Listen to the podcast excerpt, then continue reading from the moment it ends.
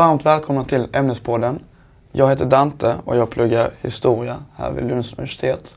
Och jag valde Lund för eh, den fantastiska miljön och det underbara studentlivet. Sedan har vi... Sen har vi Ismar.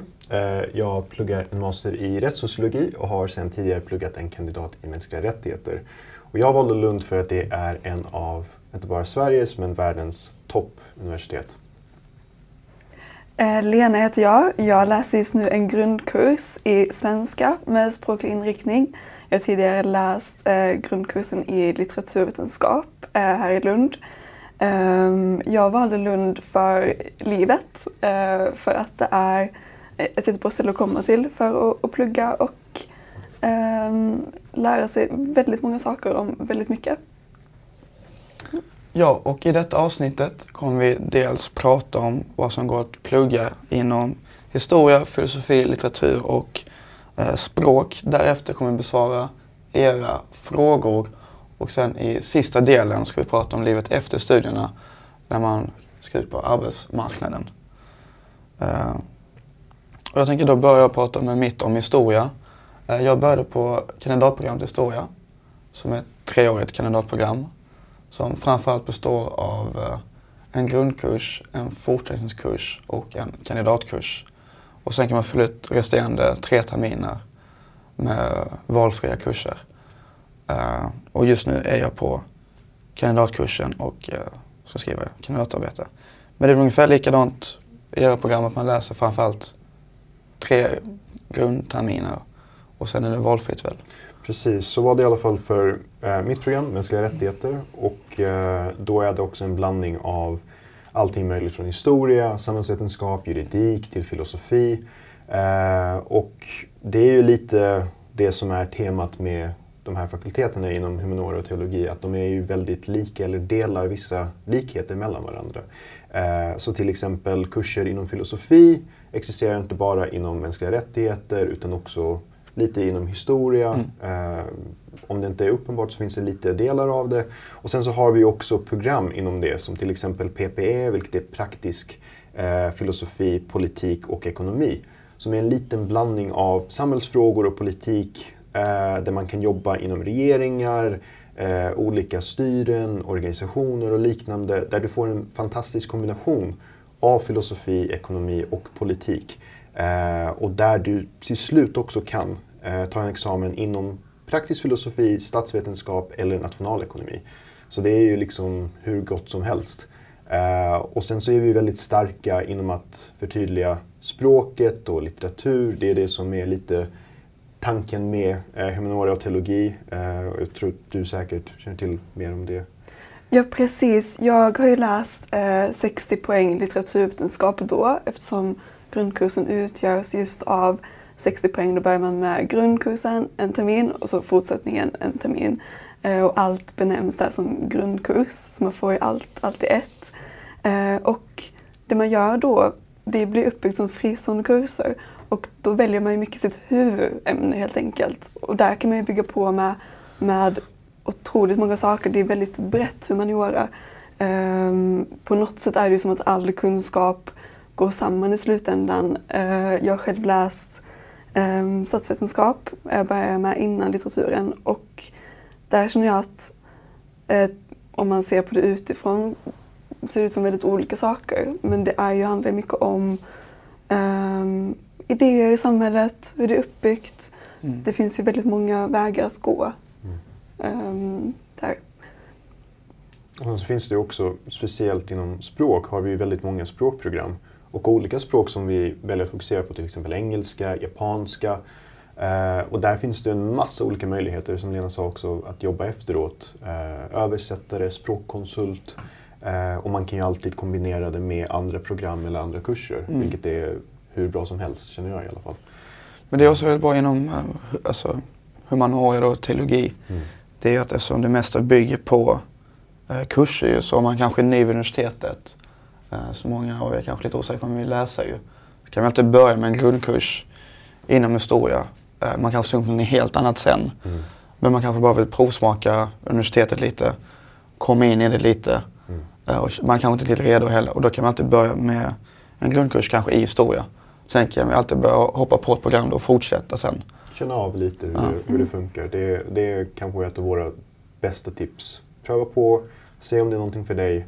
Eh, och om det inte funkar kan du alltid testa på någonting annat. Eh, men då har du ju de här högskolepoängen liksom in the bag, vilket är hur gott som helst i princip. Ja, då kan man sätta upp en egen examen ju. Exakt. Det finns ju två vägar till examen inom humaniora och även andra fakulteter då.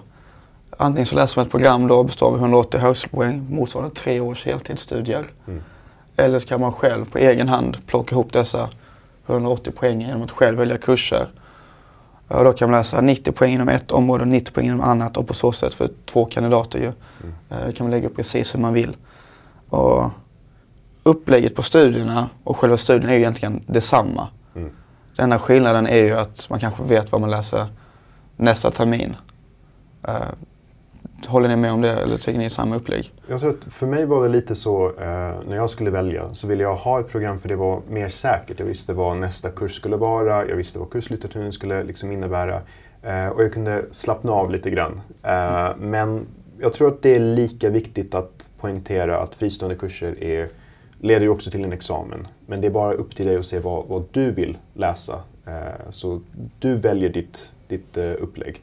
Um, vilket kan vara lite stressigt för någon som mig, men för någon annan så funkar det lika bra. Så det är lite, lite upp till, till var och en att se vad som passar. det som. Precis, men jag kan känna själv att eh, det kan bli lite rörigt där när man läser om olika saker. Man vet inte riktigt hur, hur man ska gå vidare. Eh, och så här nu när jag tittar tillbaka på det så känner jag bara att, att eh, det blev rätt väg att gå för mig. Och man kan alltid fortsätta på, på, på det spår man tycker om. Som du sa Dante så ehm, kan vi alltid ehm, prova på lite olika saker och man kan alltid, man har alltid nytta av alla högskolepoäng man läser. Man kan alltid tillgodoräkna sig det. Man kan hoppa på ehm, ett program senare och då har man kanske redan gjort några terminer ehm, och har dem och kan fortsätta med och bara bygga på med fler poäng.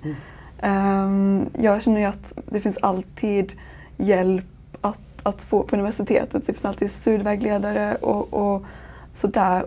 Och det är ändå, även om man blir lite osäker, lite stressad, så är det en bra miljö. Och eh, universitetet i sig är väldigt strukturerat. Och man känner då att man, men, man tycker om det strukturerade men man vill ändå vara lite, lite kreativ, följa sin egen väg. Då, då kan man också göra det. Mm. Eh, men det jag tycker jag är jättebra att nämna det med det strukturerade för det är ju en stor skillnad med gymnasiet. Eh, då kan man läsa upp till 8, 9, 10 kurser samtidigt. Nu läser jag ju en kurs, möjligtvis två kurser samtidigt åt gången ju.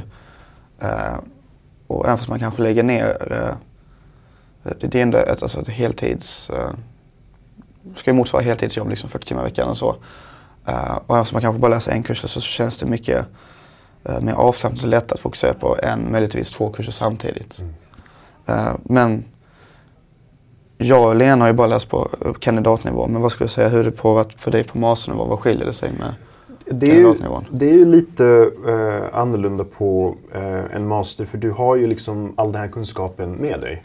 Du har ju läst en kandidat och du kommer in i det så det, det känns lite enklare. Du vet liksom upplägget, även om du läser någonting helt annat kanske, som jag gjorde. Eh, men det är ju fortfarande samma struktur och då har du kommit igång med det så du vet ju lite, okej nu har jag ett prov, nu vet jag hur jag ska plugga. Uh, nu vet jag hur jag ska ta mig an en uppgift. Du har ju den här kunskapen med dig. Och det är rätt så viktigt när, när man pluggar. Att man har kommit igång i det och man känner sig som en student. Man, man vet de här lilla småfinesserna. Uh, eh, hur man ska ta sig an pluggandet på, på rätt sätt. För det är lite det som du också säger Dante, att när man väl börjar med universitetsstudier så börjar man med kanske en kurs i veckan och det är väldigt lite man har uh, genom föreläsningar till exempel. Men även om det känns som att man har väldigt mycket frihet så är det mycket ansvar man har eh, att liksom plugga under tiden.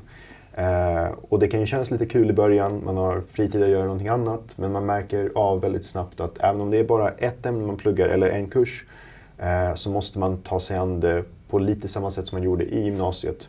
Plugga effektivt, plugga smart, gör upp ett schema.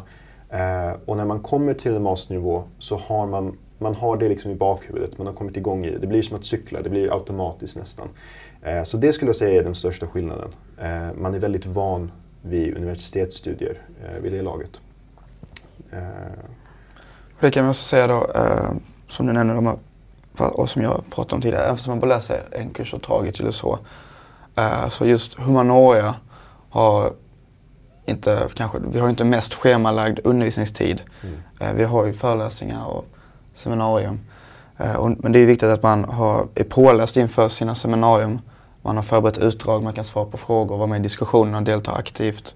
Och att man är förberedd inför en föreläsning. Man kanske inte kan allting men man är bekant med ämnet. Mm. Man vet vad det handlar om och då fast, fastnar ju den nya kunskapen lättare också. Och det är också väldigt viktigt att när man har föreläsningar så är inte tanken att man ska liksom kunna allting eh, innan man har en föreläsning. Du ska ju läsa några sidor så du är förberedd. Eh, men det blir inget examination så fort du kommer till en föreläsning utan det är ju därför att du ska få den här nya kunskapen. Mm. Vilket är väldigt, väldigt bra tycker jag i alla fall. Ja, precis. Eh, vi har fått en fråga här eh, om, ja, men om, om det finns lärare eller professorer man kan kontakta för frågor och stöd då under sin utbildning. Och då tänkte jag på just det du sa med föreläsningar, att det är väldigt viktigt att, att känna att man inte ska behöva kunna allt innan man går in eh, i sin utbildning eller i föreläsningssalen där. Att, att eh, läraren, eh, föreläsaren faktiskt finns där för att svara på frågor och, Mm. och ehm, kursarna har man också väldigt mycket till hjälp. Ehm, man kan verkligen gå in med inställningen att, att man är där tillsammans. Eh, Mm. Och det underlättar väldigt mycket, det gör det väldigt mycket roligare och mer intressant. Det, det, det bygger ut det liksom. För jag, jag tänkte på det ni sa tidigare också, jag känner att jag har som två olika personligheter. Så en universitetspersona och en annan. Och jag tycker att det blir väldigt mycket vad, man kan välja precis hur man vill vara som student tycker jag. Alltså att um, universitetslivet är väldigt roligt och det är väldigt roligt att um, tänka att man pluggar på universitet och man tar del av massa roliga saker. Eh, men också bara att man, man eh, allt man är är inte bara student utan man liksom tar del av det man tycker är intressant. Det finns ju hur mycket som helst i ett ämne att lära sig om. Man kan lägga ner hur mycket tid på det som helst. Eh, men också att man kan bara ta del av det man faktiskt är intresserad av, det man vill fortsätta med sen. Man kan lägga upp det precis som man vill och det var väl också därför jag valde litteraturvetenskap. Liksom, allt finns och kan finnas i litteraturen och liksom i det skrivna ordet. Det är humaniora, det, det, allt kan finnas där och man kan välja precis vad man vill ta in. Liksom. Mm. Ehm, man kan ju se på oss här, vi läser väldigt olika saker. Eh, på ett sätt så går det ändå eh, ihop. Jag, men om man kollar på att det finns lärare och eh, professorer, själva liksom den undervisande eh, personalen, så finns det även SI-lärare som är själv studenter ofta som kanske är på någon termin ovanför en eh, som man kan träffa eh, och det kan vara väldigt bra. Och sen om man ska kanske skriva uppsats eller så så finns det uppsatsverkstad, eh, det finns olika plugg, pluggcaféer och sånt. Så finns ju, finns ju väldigt mycket stöd. Och ibland kanske det kan vara lättare att komma till någon som är, Eh, man är lika med. Eh, det kanske är ett, det är ett mindre steg att fråga om hjälp. Ibland kanske det kan vara lite skrajigt att fråga en professor om en fråga eller så mitt under ett brinnande seminarium eller en föreläsning. Men på med sin SI-ledare eller under ett pluggcafé så är liksom den trappsteget är mindre och det är mycket lättare. Mm. Och universitetet är ju avsett för att du ska ta en examen och att du ska komma in i arbetslivet. Det är hela poängen med det. Eh, så det är inte upplagt att du ska liksom misslyckas eller att någonting inte ska funka. Eh, det är därför vi har SI, det är därför vi har eh, professorer som är kunniga i sitt område. Du kommer ju alltid nästan ha lärare som har i princip antingen skrivit kurslitteraturen eller tagit stor del av den på något sätt eller vis. Ehm, så det är ju avsett att du ska kunna klara det. Så du kommer absolut få allt stöd och all hjälp man kan tänka sig. Och som du sa det här med examinationer och, och det, om man tar vår första eh, fråga fritt från er då. Den lyder så här. Hur kan examinationer se ut och hur långa är de? Eh, först vill jag bara säga att man får ju hur många chanser man vill ju. Ja, Eh, man, man. kan ju kugga en tenta som heter bli underkänd. Eh, och det, det kan man bli hur många gånger som helst och det är inga konstigheter. Eh, men i mitt fall har det varit mycket uh, hemtentor. Mm. Och att man har haft en länk och så har man kanske haft sju timmar på sig, ibland kanske man har haft tre dagar på sig. mm. Och så får man lämna in den. Men sen har vi också haft eh, tentor där det har varit mer eh, kunskapsbaserade frågor med quizfrågor och begreppsfrågor och så. Mm. Och, så det är så det har sett ut inom historien i alla fall. Hur har det sett ut för er genom era program? Mitt har ju liknat lite historia, för de, vi delar ju liksom väldigt många professorer också och mänskliga rättighetsprogrammet är ju uppbyggt främst av historiker. Så själva upplägget där har i princip bara varit hemuppgifter, hemtentor. Och då skriver man det kanske i en vecka eh, och lämnar sen in en uppsats. Eh, så man har inte salstentor eller prov som några andra program kan ha. Vilket för mig personligen var skönare för jag tycker inte om salstentor. Men eh, det beror ju också lite på vilket program man läser. I historia är det lite blandat. I mänskliga rättigheter är det enbart detta. I några andra program är det enbart salstentor. Eh, så det beror ju lite, lite på. Eh, men som Dante säger, du får ju möjligheten att fixa ditt resultat och det är det som är viktigast. Och du får ju också kommentarer på hur du ska fixa det. Så det är inte bara det att du kommer sitta där i all evighet och skriva samma tenta utan du kommer ju få hjälp för att, att lyckas. Eh, och jag tror att det gäller inom alla program och alla kurser känns det som. Ja, precis. precis. Eh, det är ju alltid intressant att se vad, vad man får för, för kommentarer på, Mm. på sina arbeten. Eh, det är precis, jag har själv haft ja, men, lite olika, fyra till sex timmar lång hemtenta. Ehm, och då har, jag, har man fått ha sina anteckningar till exempel. Um, och um, Precis, så det är ju det är nästan som salstenta men ändå inte, det är begränsad tid där. Um, mycket under litteraturvetenskapen så har det varit men, hemtenta och då har man kanske fått en veckas tid på sig.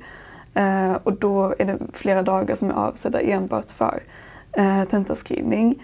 Um, och återigen, då får man ju såklart ha tillgång till alla sina anteckningar och allt, allt som finns um, materialmässigt där. Um, vissa delkurser har det varit att vi har fått tentan vid kursens början och um, liksom fått, fått arbeta med den precis när vi vill i vår egen takt. Ja, jag kommer faktiskt ha min första salstenta uh, nu om ett par veckor så det blir intressant. Härligt. Eh, ja. Håller tummarna. Ja, visst. Eh, oavsett hur, hur, hur mycket man ogillar dem så tänker jag att man, eh, saker kommer sätta sig bättre i, i minnet. Det, det blir det säkert och Ja. salstentor har ju sina fördelar också. Jag är inte särskilt förtjust i dem men eh, det kan vara bra att skriva en salstenta för att känna av liksom hur, det, hur det går till. Och mitt största tips inför din första salstenta är liksom ha vatten, ha frukt med dig. För det kan ta en lång tid, man sitter där, man blir lite stel. Eh, och, och försök bara slappna av, det kommer gå hur bra som helst. Eh, det, det är mitt största tips. Salstentor fixar man alltid. De, är, Mm. de Men- går åt. Om du pratar om examinationer och tentor och så. eh, Inför de dem och går vidare till nästa fråga. Hur kan man lyckas få någon struktur på de kurserna man läser? Liksom hur, hur, hur lägger ni upp det? Liksom? Vad har ni för tips möjligtvis? Inför en tenta. Hur, hur löser man strukturen och plugget? Jag skulle säga att du vet ju eh, när du kommer ha en tenta. Det är redan satt väldigt tidigt. Så planera upp eh, ditt pluggande så att det inte blir allt för mycket i sista sekunden. Eh, läs lite under veckan eh, så att det inte blir för mycket. Gör ett litet schema och då kommer det gå hur bra som helst. Och det, det kvittar om det är en salstenta eller om det är en eh, hemtenta som du ska skriva. Det är samma upplägg som du ska göra. För då, då slipper du kolla i alla böcker i sista sekunden. Du har den här kunskapen med dig och ditt skrivande kommer bara bli mycket, mycket enklare känns det som. Eh, det är mitt största tips, men det skiljer sig lite från person till person. Så jag vet inte hur ni gör eller hur eh, du har tänkt göra inför din första tenta. Eh, ja, precis. Först och främst jättebra övergång. Eh, men jag, har ju läst lite olika saker så det är väldigt olika varje gång. Eh, jag skulle säga att det, det som hjälper mig mest, eller den största tjänsten man kan göra sig själv är ju ändå att eh, Börja under- tid. börja gå tid, precis. Så under hela kursens gång vara med på, på föreläsningar oavsett hur oförberedd man är inför dem. Eh, I litteratur är det väldigt mycket att eh, läsa. Eh, många roliga saker att läsa måste jag också säga. Eh, jag själv skulle vilja säga att mitt läsintresse kommer efter kursen. Eh, men om man har det sen innan, om man tycker väldigt mycket om att läsa, då är det ju perfekt. Eh, men komma förberedd eh, och även om man inte är förberedd kommer man då liksom anteckna under kursen. anteckna lite från, från kursmaterialet så man snabbt kan som gå tillbaka till det under tentan och se korta sammanfattningar och stödmeningar från olika kapitel. Um, inför min salstenta nu så kommer jag väl bara fokusera på att försöka ja, men, se, se det viktigaste, göra någon, någon sammanfattning. Mm. Uh, försöka, nu kommer det vara grammatik, då är det väl mycket att, att uh, göra det lite kul. Uh, ha lite, lite färgpennor och, och grejer och så. Sen så Um, Men så ja. du också inför, du kan ju säkert gå till din uh, institution till expeditionen där ju. Mm. Och kan vi säkert begära ut gamla extentor ju. Ja, det är väldigt, det är väldigt bra verktyg att man, man går till expeditionen så kan man begära ut uh, gamla uh, prov då, tentamen, mm. tentor.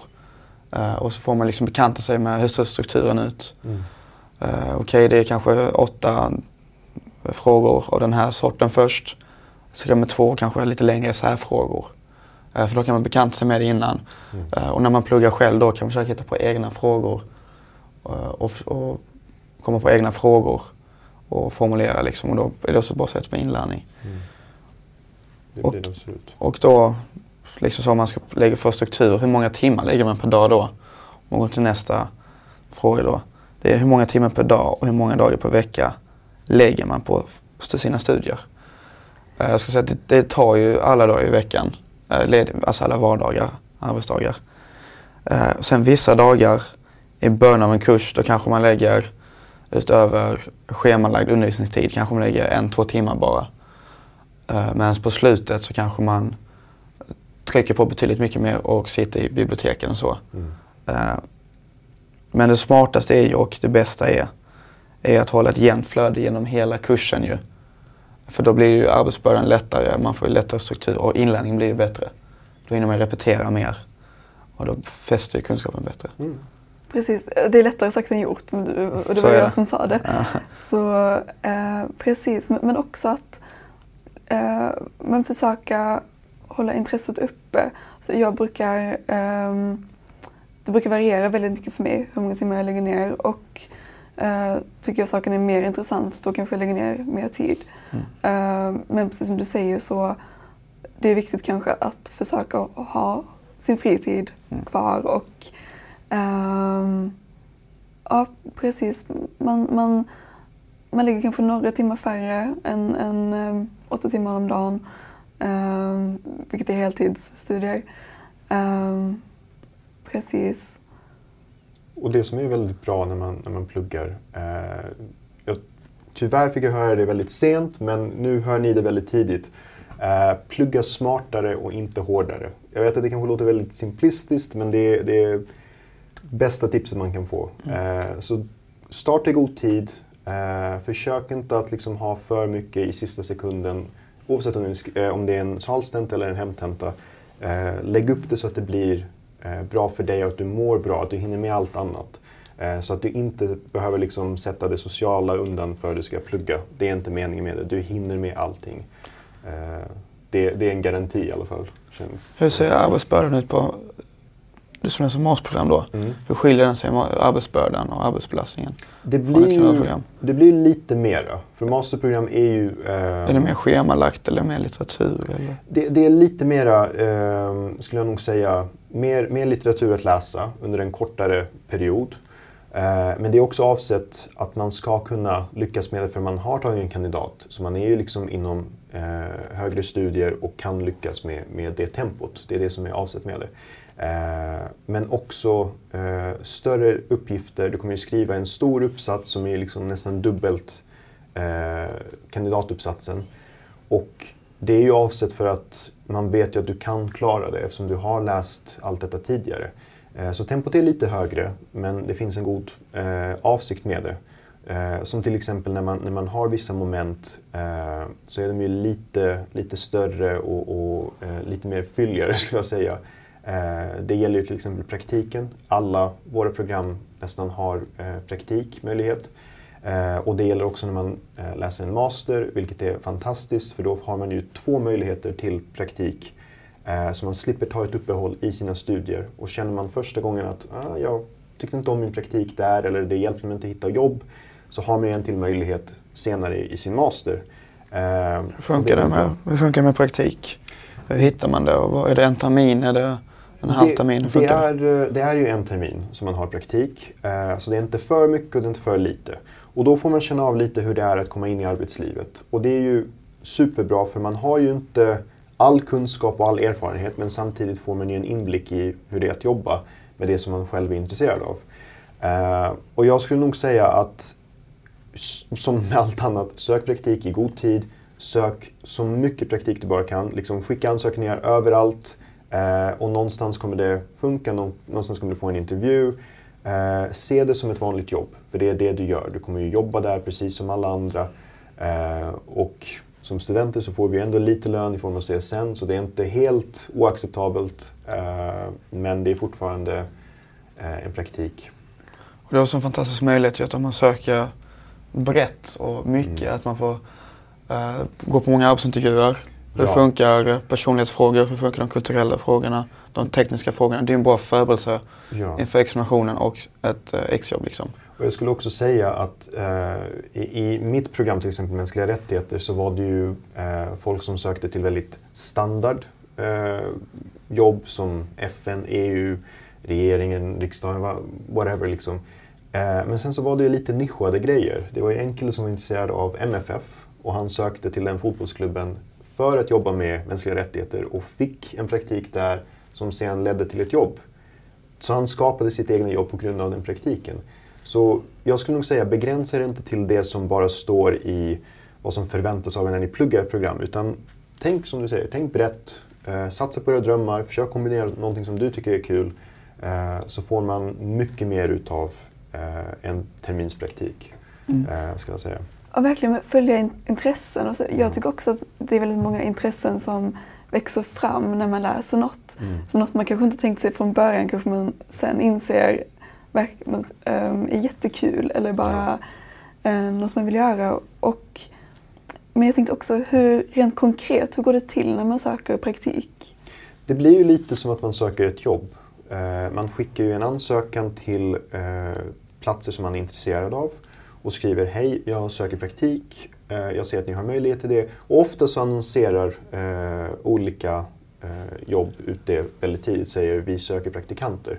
Eh, så de är också väldigt tydliga med att de tar in praktikanter. Gör de inte det så kan du alltid skriva och fråga Hej, jag märker att ni inte gör det, men jag är fortfarande intresserad. Och samma sak gäller också när ni söker jobb. Eh, Tveka inte för att vara lite framåt och, och fråga. Jag är intresserad av det här jobbet, jag har kunskapen är det okej okay om, om vi kan, kan ha en intervju eller någonting där jag kan presentera det? Eh, det är sällan man gör det för det känns lite obekvämt och, och, konstigt men det ska man absolut inte göra. Man är ju där för att få sitt drömjobb. Men det är som eh, om man är inne på med praktik som du nämnde, om det blir fel. Mm. Att veta vad man inte vill och sätta vad man vill ju. Mm. Och det är som att läsa, som jag nämnde tidigare med fristående kurser ju. Mm. Uh, att där kan man ju veta, okej okay, nu, nu blev detta fel, men det att veta, då vet man, okej okay, jag ska inte göra detta ju. Mm. Och om man nu det är en väldigt bra fördel ja. Eh, med fristående kurser ju. Och våra program erbjuder också en hel termins fristående kurser eller utlandsstudier. Mm. Så det är ju det är fantastiskt att man har den möjligheten utan att behöva ta eh, studieuppehåll eller någonting sånt. Man kan ju fortfarande plugga samma program. Känner man att den fristående kursen var skitbra, då kan man ju fortsätta där. Känner man att den var lite mindre bra, ja, då är man tillbaka på sitt egen program utan några som helst problem. Mm. Så det, det, är en fantastisk möjlighet som jag skulle nog säga att man, eh, man kan hitta överallt. Men på Lunds universitet har vi, har vi den standarden och inom humaniora och teologi så, eh, så är det liksom praxis. Mm. Eh, precis, för att återkomma då till vilka fördelar och nackdelar det finns med att läsa fristående kurser. Mm. då är det så i alla fall att ehm, man kan sätta ihop det precis hur man vill nästan. Alltså så länge man har sina 90 eh, högskolepoäng, det vill säga ett och ett halvt år i sitt huvudämne, eller om man vill kombinera det med ett till huvudämne, där, eh, så kan man ju verkligen lägga upp det precis som man vill. Man kan ta två utlandsterminer, man kan ta eh, ja, mer, eh, ja precis, två utlandsterminer, praktik Mm. kan man lägga in när man vill. Och hur är det när man läser program? Kan man lägga upp det lite som man vill då eller följer det en viss struktur? Det är ju lite kruxet med program. De följer ju strukturen. Eh, och det, det är ju det som jag nämnde tidigare också. Det är det som jag kände var lite skönt. Eh, man har ju allting utplanerat ända sedan starten. Så jag vet ju exakt när min praktiktermin kommer vara. Jag vet exakt när min fristående kurstermin kommer vara. Eh, och då kan jag också planera upp det lite hur jag vill. Eh, alltså mitt sociala liv och andra aspekter och så. Eh, med fristående kurser så är det ju både en skulle jag säga, fördel och en nackdel. Eh, där man själv får bestämma det lite, men det är upp till en själv att lägga upp det. Eh, och för alla är inte det det allra skönaste, men för vissa är det hur gött som helst. Eh, jag ska säga, det finns inget, alltså om man försöker bryta ner och tänka på vad som kan vara negativt. Det enda som jag kan, kan vara negativt eh, det är att man kanske inte har samma kursare ja. eh, längs sina år. Mm. Men å andra sidan är det någon person eller en större grupp man har verkligen klickat bra med Mm. så behåller man kontakten även fast den personen eller den gruppen fortsätter sitt program och då går vidare med fristående kurser ju. Ja. För är man, alltså blir man bra vänner så har man kontakt oavsett Mm. vad man läser för man har ju vänner tvärs över alla fakulteter ju. Mm. Eh, Så jag kan inte komma på någonting riktigt negativt med fristående kurser. Nej. Och jag kan inte komma på något negativt med program heller ju. Nej. Båda har ju väldigt mycket fördelar. Och det är liksom, du får ju tillgång till hela studentlund, CSN, alltså bostäder, allt sånt är ju samma. Nationer och liknande. Ja, Alla är ju utformade för att de ska funka för individen. Och alla är ju lite olika. Så testa på vad som funkar för dig, skulle jag säga. Ehm, och det, det är lite samma grej när man sen läser en kandidat inom kanske ett ämne och vill gå in på en master i ett annat som jag gjorde. Uh, där jag kände att även om jag gillade mänskliga rättigheter och där planen ursprungligen var att fortsätta på uh, mastern i mänskliga rättigheter så ville jag ändå pröva på någonting annat. Och då var rättssociologi det rätta för mig. Eh, och det kan man ju göra om man känner att okej, nu vill jag testa på någonting annat. Har man läst kanske eh, mänskliga rättigheter så vill man kanske läsa historia, eh, master. Och det funkar också lika väl. Eh, grejen är bara det att man måste läsa kanske en viss kurs eller eh, ett visst antal HP, högskolepoäng, för att kunna bli behörig till den mastern om man inte är det redan tidigare. Eh, de flesta humaniora och teologiprogram ger inte behörighet i till exempel samhällsvetenskapliga program om man inte har läst ett visst antal HP inom deras kurser eller program.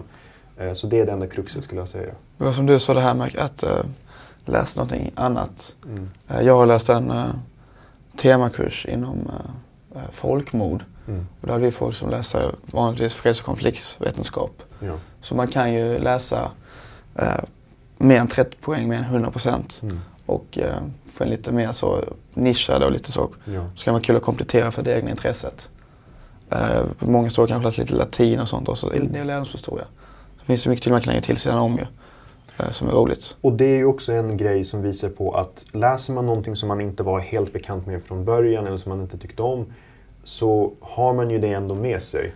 Man kan alltid använda det senare. Kunskap som man har läst går aldrig till spillo. Och det är det som är det viktigaste, du kan alltid återanvända det. Ehm, så det, det skulle jag säga är den stora skillnaden när man har de här olika, eh, olika kurserna och liknande. Eh, och sen så är det också lite annorlunda beroende på vad man läser och hur det påverkar ens eh, studentliv. Har man mera eh, fritid, har man mera liksom, eh, plugg? Det, det beror lite på vad man läser. Jag skulle nog inte säga att vi har för mycket. Vi, vi har ändå ett rätt så rikt studentliv om man läser humaniora och teologi. Ja, men I Lund pluggar man och har kul ju. Ja, Eh, och det, om man går in på nästa fråga, får man det då studentlivet när man läser fristående kurser? Ja, så länge man är student vid Lunds universitet och väljer att betala sin terminsräkning till Studentlund som är ett samarbetsorgan så får man tillgång till alla Mm. nationer då. Eh, och du får tillgång till alla kårer Mm. och eh, akademiska föreningen. Det är de tre stegen som, eh, de tre som finns ju. Och där finns det en massa saker att välja bland. Verkligen en, en hel mängd grejer.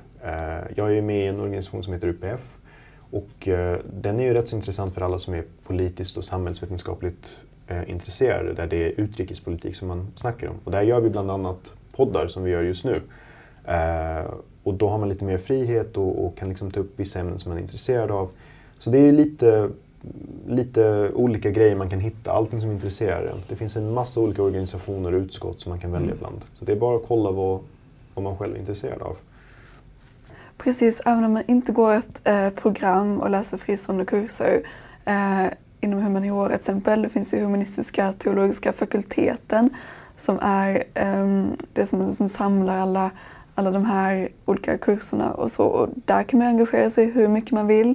Um, och som ni säger också nationer, andra organisationer och där korsar man ju också utbildningsgränserna mm. så då får man ju lära känna folk som pluggar något helt annat. Uh, det är verkligen upp till en själv um, hur mycket man vill göra där och det är ju jättebra att man får välja det. Det finns alltid alla möjligheter till allt, alltid möjligheter till att ha kul också såklart. Mm. Det finns det absolut. Mm. Uh, ja men det finns goda möjligheter. Uh, det var de följarfrågorna vi har haft. Så nu har vi pratat lite om vad vi pluggar, vad det innebär. Mm. Lite följarfrågor. Jag tänkte vi kan gå vidare och prata lite om här, livet efter studierna. Uh, vad kan man arbeta med efter man har läst historia, uh, litteraturvetenskap och lite stats och så. Och sen lite om man läst uh, mänskliga rättigheter så. Vad, vad kan man jobba med? Och uh, vad har man för möjlighet att studera vidare? Mm. Jag tänkte att man har Uh, nu, nu, är inte jag ens nära på att söka jobb eller så. Men uh, det är mycket bredare än vad man tror att ens utbildning är. Mm. Man har ju ofta att humaniora kanske inte är the way to go liksom. Uh, men det, är verkligen, det finns verkligen väldigt mycket att göra. Man kan jobba med journalistik, kommunikation, alltså man kan jobba på välgörenhetsorganisationer, alltså det man kan jobba inom statlig förvaltning och regering, alltså det finns verkligen departement. Eh, och långt, eh, vissa delar inom den privata sektorn också. Eh, det beror verkligen på hur man nischar sig och om man kanske har några erfarenheter från studentlivet som visar på ledarskap eller projektledning eller så. Så kan man kombinera det. Jo, det, det är ju lite, den här frågan är väldigt populär och den får vi ju otroligt mycket även på sociala medier eller på mässor där folk undrar vad kan man bli med det som ni har läst? Och det, svar på det brukar jag alltid säga, man kan ju nästan bli vad som helst. Eh, det är verkligen upp till en själv att se vad som passar. Eh, och som jag nämnde tidigare, känner du att du har ett visst jobb som du är intresserad för men de kanske inte har annonserat att de söker någon med din utbildning eller skriver bara väldigt allmänt, vi söker någon som har statsvetenskapsutbildning eller liknande. Så brukar det ofta stå. Då är mitt största tips att du faktiskt skickar en ansökan och skriver Hej, jag har märkt av att ni söker någon med liknande utbildning. Jag är väldigt kvalificerad. Alltså, låter jag som en väldigt intressant kandidat? Eh, så det är lite upp till en själv att se vad som passar en och att vara väldigt öppen eh, för det mesta. Eh, det är väldigt enkelt att säga att det inte finns någonting inom humaniora och teologi men det finns det om man är väldigt fokuserad och väldigt motiverad. Det går att hitta. Det, är för det är därför jag tror att många har den eh, bilden just av humaniora för inom andra vetenskapliga discipliner när man pluggar så har man kanske en tydligare riktning vad man gör mm. och kanske tydligare riktning till just ett ett, ett område av arbetsmarknaden. Men som jag säger, om man är intresserad av ett arbetsplats eller några, den här branschen då kan vi passa på att utnyttja det fantastiska alumninätverket som Lunds universitet har ju. Uh, och genom diverse sociala medier eller så, mm. eller gå in på deras hemsida och kolla vilka har pluggat i Lund. Uh, ni kanske har pluggat samma program, haft samma professor eller gjort samma nationsgrej. Kan skriva, hej, jag såg att du gjort det här, kan vi inte ta en kaffe och höras lite och kan du börja på din arbetsplats? Mm. Och så pratar man runt lite, man kanske kan svänga förbi någon dag, träffa olika avdelningar, lite vad som finns att göra. Så så länge man är proaktiv, man agerar och man ligger framåt så finns det väldigt goda möjligheter. Och då så mycket större chans då om man utnyttjar detta fantastiska nätverket som finns ju. Ja. Eh, att då kommer man väldigt långt ju och man får en god insyn i verksamheten. Och ta också tillvara på dina erfarenheter under studentlivet. Jobbar du inom en nation eller är du liksom har du jobbat kanske som en barista eller någonting? Använd de kunskaperna och de erfarenheterna du har fått eh, för att kunna promota dig själv. just nu till exempel i UPF så jobbar ju jag med poddar och det är en väldigt nyttig grej att säga ifall jag är intresserad av kanske ett mer journalistiskt eh, riktat jobb inom samhällsvetenskapliga organ och, liknande. Att säga jo, jag har ju den kunskapen och då, då, då kan jag ju visa upp det. Så använd allting. Inget går till spillo när man är vid Lunds universitet, skulle jag nog säga. Um, försök verkligen att, att uh, ta tillvara på de uh, möjligheter som uh, universitetet bidrar med. Ja, precis. Och prata med folk är väldigt viktigt och där lär man sig väldigt mycket. Ofta kan man ju snöa in på eh, någon utbildning eller något område man har tänkt sig. Eh, och bara genom att prata med andra kan man ju upptäcka helt eh, nya saker. På LUs hemsida, om man söker på eh, kurser och utbildningar och så finns det väldigt mycket information. Det finns också intervjuer med eh, alumner, före detta studenter som du nämnde. Eh, och det finns då väldigt mycket information om vad de har valt att jobba med, eh, vad det finns och, så, och, så, och hur mycket struktur man väljer att ha i studierna kan man också välja att ha sen i arbetslivet. Man kan verkligen gå den, den väg man vill. Vill man ha mycket trygghet då finns det en, en arbetsmarknad för det. Uh, det. Det växer också fram lite inom en, mm. skulle jag säga. Det gör det. det, gör det. Sen kan man alltid, uh, om man vill studera vidare kan man kan ju läsa en master både i, i, i Lund, andra delar av Sverige och utomlands. Uh, om man har gjort det kan man ju doktorera. Uh, det finns ju väldigt goda möjligheter att studera vidare ju. Lunds universitet är ju liksom ett anrikt universitet med, med bra rykte så finns ju alla, alla möjligheter finns ju. Uh, Men det finns så. ju också en magister vilket är ett år istället för två år. Och de är ju lika bra och lika effektiva när man söker jobb. Eh, det är bara det att de flesta när de läser ett år tänker att jag kan ta ett år till nu när jag redan har kommit igång med det. Så det brukar bli två år. Men en magister är lika, eh, lika bra som en, som en master på två år. Eh, och är ni mer liksom intresserade kring vad era möjligheter är, även kring livet, eh, livet efter eh, kandidaten och liknande, så kan man alltid gå in på eh, eh lund.se studera och eh, kolla med studievägledningen och se vad era möjligheter är. Eh, det skulle jag nog tipsa är, är en av de bästa grejerna. Så ser man allting som man kan förvänta sig. Ja, precis. Om jag pratar utifrån mitt perspektiv så är det ju jätteroligt att gå runt och kalla sig litteraturvetare. Det, det tycker jag fler kan göra. Men sen finns det massa saker man kan gå vidare med. Eh, man kan ju gå lite mer inom universitets, eh, på universitetsvägen, doktorera. Man kan författa mängder av olika saker. Det behöver inte vara skönlitterärt. Um, men det finns också arkivvetenskap eh, man kan gå till. Ehm, då jobbar man mycket inom, det är lite historia det också. Eh, bibliotek och informationskunskap. Ehm, det är mycket, man kan bli bibliotekarie, jobba med kommunikation, förlags och bokmarknadskunskap. Det är ju mycket liksom, säljdelen av det hela. Den är också väldigt kreativ. Det är um, mycket som, som finns att hämta där. Något som också finns här på LU är um, en kurs eller ett program nästan i litterär gestaltning som är, ligger på fyra terminer.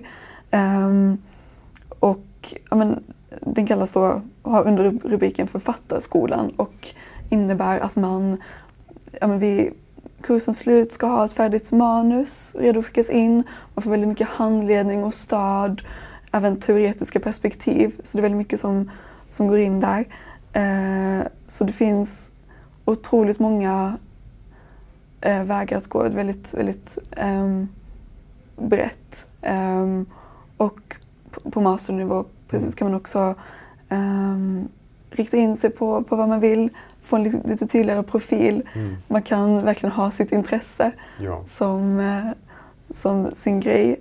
Um, och precis som jag gör nu, nu läser jag svenska, en kurs i svenska, då kanske jag får lite, lite extra kunskap om liksom, språkets uppbyggnad, olika texter. Um, men istället kan man välja att läsa um, liksom film och mediehistoria. Uh, man kan gå vidare med litteratur, kultur och medier. Um, man kan verkligen ta in precis vad man vill. Mm. Och det är bara en fördel om man tycker om det man gör. Men det är ju också en sån väldigt viktig grej som du säger Lena, att plugga det som du tycker är intressant. För är man fast vid någonting som man tycker är väldigt tråkigt eller som inte är för en själv eller som man pluggar för någon annan, eh, då kan det bli väldigt jobbigt när man är fast i, i eh, det pluggen. Då gör man det inte genuint och då blir det mycket, mycket svårare. Eh, och jag tror att det var väldigt tydligt när man, eh, nu under pandemins gång, för vi var ju fast hemma och fick plugga eh, via Zoom. Eh, och jag minns att jag tyckte att det var väldigt, eh, väldigt kul att jag hade valt någonting som jag var intresserad över.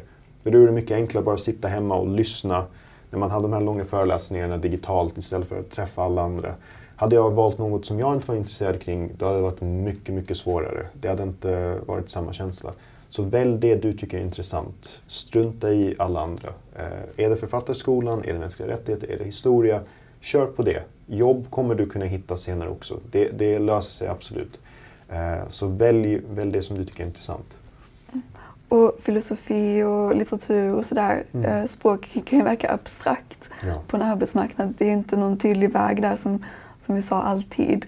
Eh, och, men trots det så finns det ju inom alla ämnen, det förekommer inom allt. Eh, och man ges ju verkligen en, en utbildning som, som ger en kunskap att stå på. Mm. Och, och det behövs alltid. Det vill ju arbet, alla arbetsgivare ha. Ja, absolut. Och är man sugen på att veta vad som, vilka möjligheter som finns ju, så finns det ju sociala plattformar för eh, arbetslivet ju. Där man kan välja Lunds universitet och eh, filtrera Mm. på vilken eh, studiedisciplin de har haft och vilka, vilket område det varit. Mm. Om det oavsett om det är historia, litteraturvetenskap eller så. Och Man kan alltid höra av sig till oss på våra sociala medier eller kika vår blogg, eh, lundestudent.se. Där får man ju all info eh, om vad vi sysslar med och vad man kan jobba med, vad man kan plugga. Eh, så det finns information för er som är intresserade. Mm. Så mer. Så då har vi också en fantastisk, fantastisk studievägledning Mm. eh, som är jättebra om man är osäker på om man inte vet riktigt vad man vill göra. Eh, ska man skriva och kontakta dem och förklara sin situation och vad man gjort innan, vilka erfarenheter man har och Mm. vilken typ av personlighet man har i sina intressen och så ju. Eh, så kan man boka en tid med dem eh, och man kan också ha mailkontakt. Alltså det, finns det går att lösa väldigt smidigt Ja, på olika sätt. Eh, och de har ju väldigt god insyn eh, på uppbyggnaden av program och kurser och allt möjligt. Så de, de har väldigt god kunskap där. mm. gå bara in på eh, lu.se studera så hittar du all info du behöver. Precis, och bara för att komma in i studierna finns det också kurser och vägledning. Det Där är, finns det. man, är, man har alltid någon att vända sig till. Mm. Och med det sagt vill jag säga tack så hemskt mycket för mig. Det har varit eh, väldigt kul att prata med er så här. Väldigt skoj. Eh, och hoppas att vi har svarat på en del frågor och kanske lite funderingar. Och så lär vi väl ses i Lundagård till hösten kanske. Lycka till! Tack så Ja, mycket. Tack för oss.